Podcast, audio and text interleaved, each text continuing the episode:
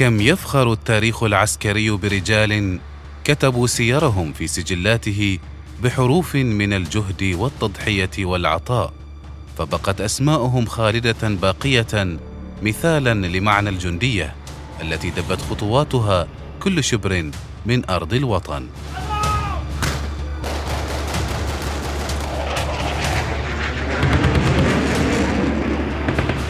جنود برنامج أسبوعي نتعرف من خلاله على الجنود الذين ضحوا بحياتهم من أجل أوطانهم.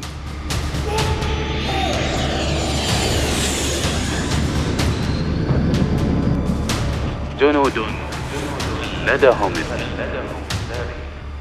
يعده الدكتور هلال بن سعيد الحجري ويقدمه المقدم الركن محمد بن سعيد المشيخي ومن إخراج الوكيل محمود بن خميس الجساسي.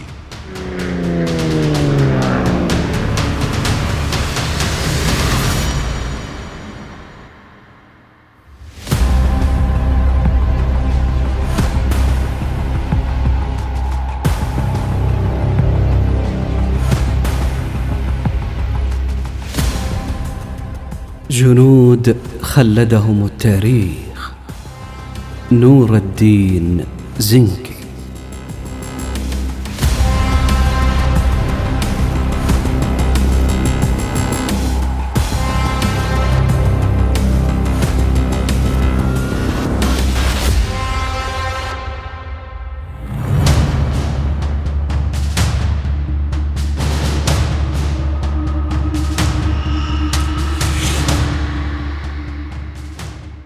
ولد وقت طلوع الشمس من يوم الأحد السابع عشر من شوال سنة إحدى عشرة وخمسمائة هجرية في مدينة حلب التي وقفت للصليبيين وقفة لم تعرفها مدينة سواها في تلك الحقبة من الزمن التي اندفعت فيها جموع الصليبيين من أوروبا جيشا وراء جيش وجماعة وراء جماعة فنزلوا على بلاد المسلمين في الأناضول والشام كما تنزل العواصف المدمرة وحلوا فيها كما تحل الكوارث المهلكة. لم تنج مدينة من شرهم ولا قرية من أذاهم.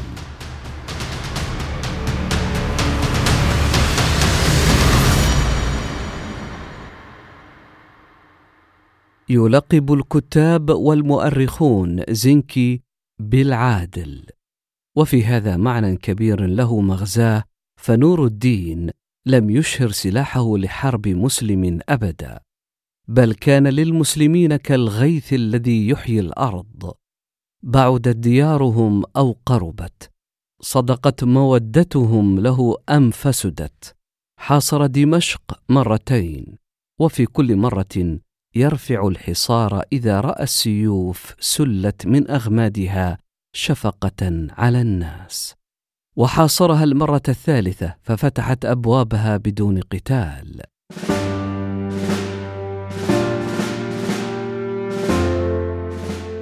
دافع الصليبيون عن مصر وأرسل جيوشه ثلاث مرات لحمايتها. وبذل الأموال العظيمة وسهر الليالي الطويله خوفا عليها من الفرنج. ولم يفل من عزيمته ولا قلل من حرصه عليها غدر حكامها بجيشه مرة بعد مرة لأن سكانها كانوا منه وله لا يخذلونه ولا يغدرون به.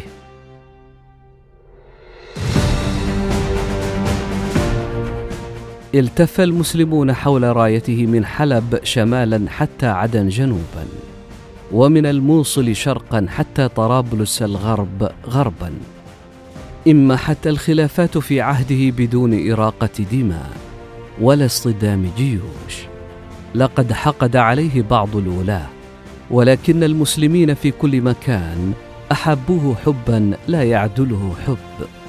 وأخلصوا له اخلاصا لا يشابهه إخلاص. ففي سنة 558 للهجرة هاجمه الصليبيون وكبلوه وأركبوه فرسه وهو مكبل. فرآه جندي من الأكراد فاندفع نحوه وقطع الحبل فنجا نور الدين واستشهد الجندي الذي كان ينتظر ذلك لأنه يعلم أن حياة بلاده في حياة قائده. فما صفات نور الدين؟ وما أعماله التي جمعت المسلمين حوله فاندفع بهم لتحقيق هدفهم وإنزال الهزائم بعدوهم. باشر نور الدين المعارك بنفسه. قاد جيوشه إلى حصون الأعداء وقلاعهم. وكان دائما ما يردد. أدعو الله أن يحشرني من بطون السباع وحواصل الطير. حينما هزم على حصن الأكراد أقسم بالله الا يدخل بيتا أو يظله سقف حتى يثأر من الصليبيين. ولقي جموعهم وقد استعانوا بملك الأرمن وامبراطور القسطنطينية فهزمهم. وأسر بوهمند أمير أنطاكيا وريموند أمير طرابلس وقسطنطين قائد الجيش الروماني وربط هؤلاء القادة في حبل واحد وساقهم إلى حلب. ولولا هروب ملك الارمن توروس لربطه مع رفاقه. حطم جيوش الصليبيين وقتل قادتهم وأصبحت القدس قريبة المنال. ولولا عدم وصول صلاح الدين الأيوبي واليه على مصر في الوقت المناسب وملاقاته عليها لاحتلها قبل وفاته. يقول العماد الأصفهاني وكان نور الدين ذكيا المعيا فطنا لا تشتبه عليه الأحوال ولا يتبهرج عليه الرجال.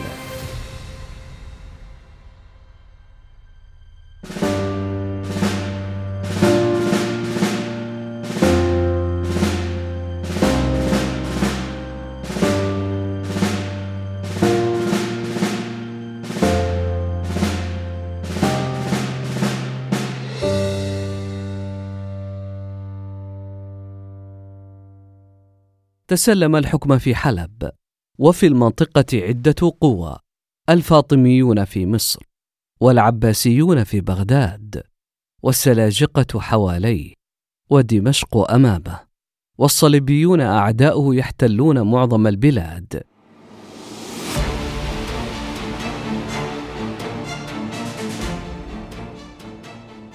أما المسلمون من فاطميين وعباسيين وسلاجقة وحكام في دمشق فلم يكن لهم منه سوى اللين والمسامحة. وأما الصليبيون فلم يكن لهم عنده سوى السيف لم يجلس معهم على مائدة مفاوضات ولم يعرفوا منه لينا في وقت من الأوقات. فاشتد حنقهم عليه ساس جنوده أفضل سياسة.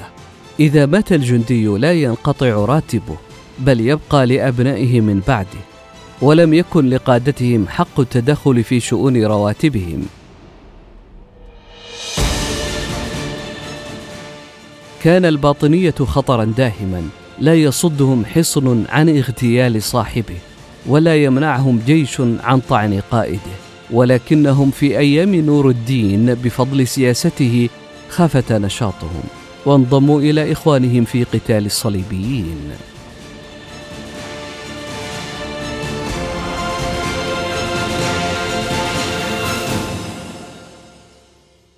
توفي نور الدين زنكي على فراشه بالذبحة الصدرية. في الحادي عشر من شوال من عام 569 للهجرة الخامس عشر من مايو من عام 1174 وهو في التاسعة والخمسين من عمره. ودفن في البيت الذي كان ملازما فيه في قلعة دمشق. ثم نقل جثمانه إلى المدرسة النورية الواقع في سوق الخواصين بدمشق وقد رثاه العماد الأصفهاني بقصيدة مطلعها الدين في ظلم لغيبة نوره والدهر في غمم لفقد أميره فليندب الإسلام حامي أهله والشام حافظ ملكه وثغوره. من ينصر الإسلام في غزواته؟ فلقد أصيب بركنه وظهيره. وهكذا أصبح نور الدين زنكي من الجنود الذين خلدهم التاريخ.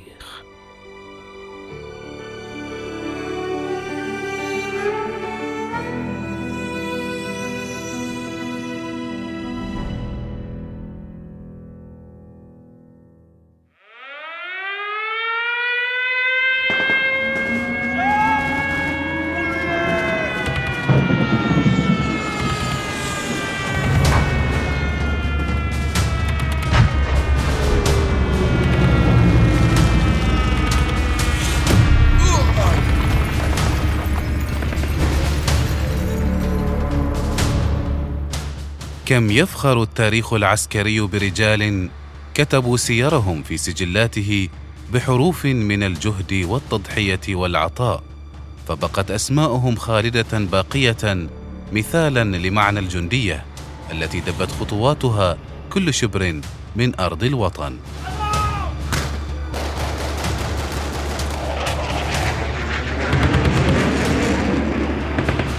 جنود برنامج أسبوعي نتعرف من خلاله على الجنود الذين ضحوا بحياتهم من أجل أوطانهم.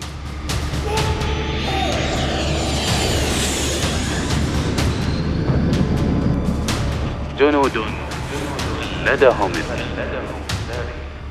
يعده الدكتور هلال بن سعيد الحجري ويقدمه المقدم الركن محمد بن سعيد المشيخي ومن إخراج الوكيل محمود بن خميس الجساسي.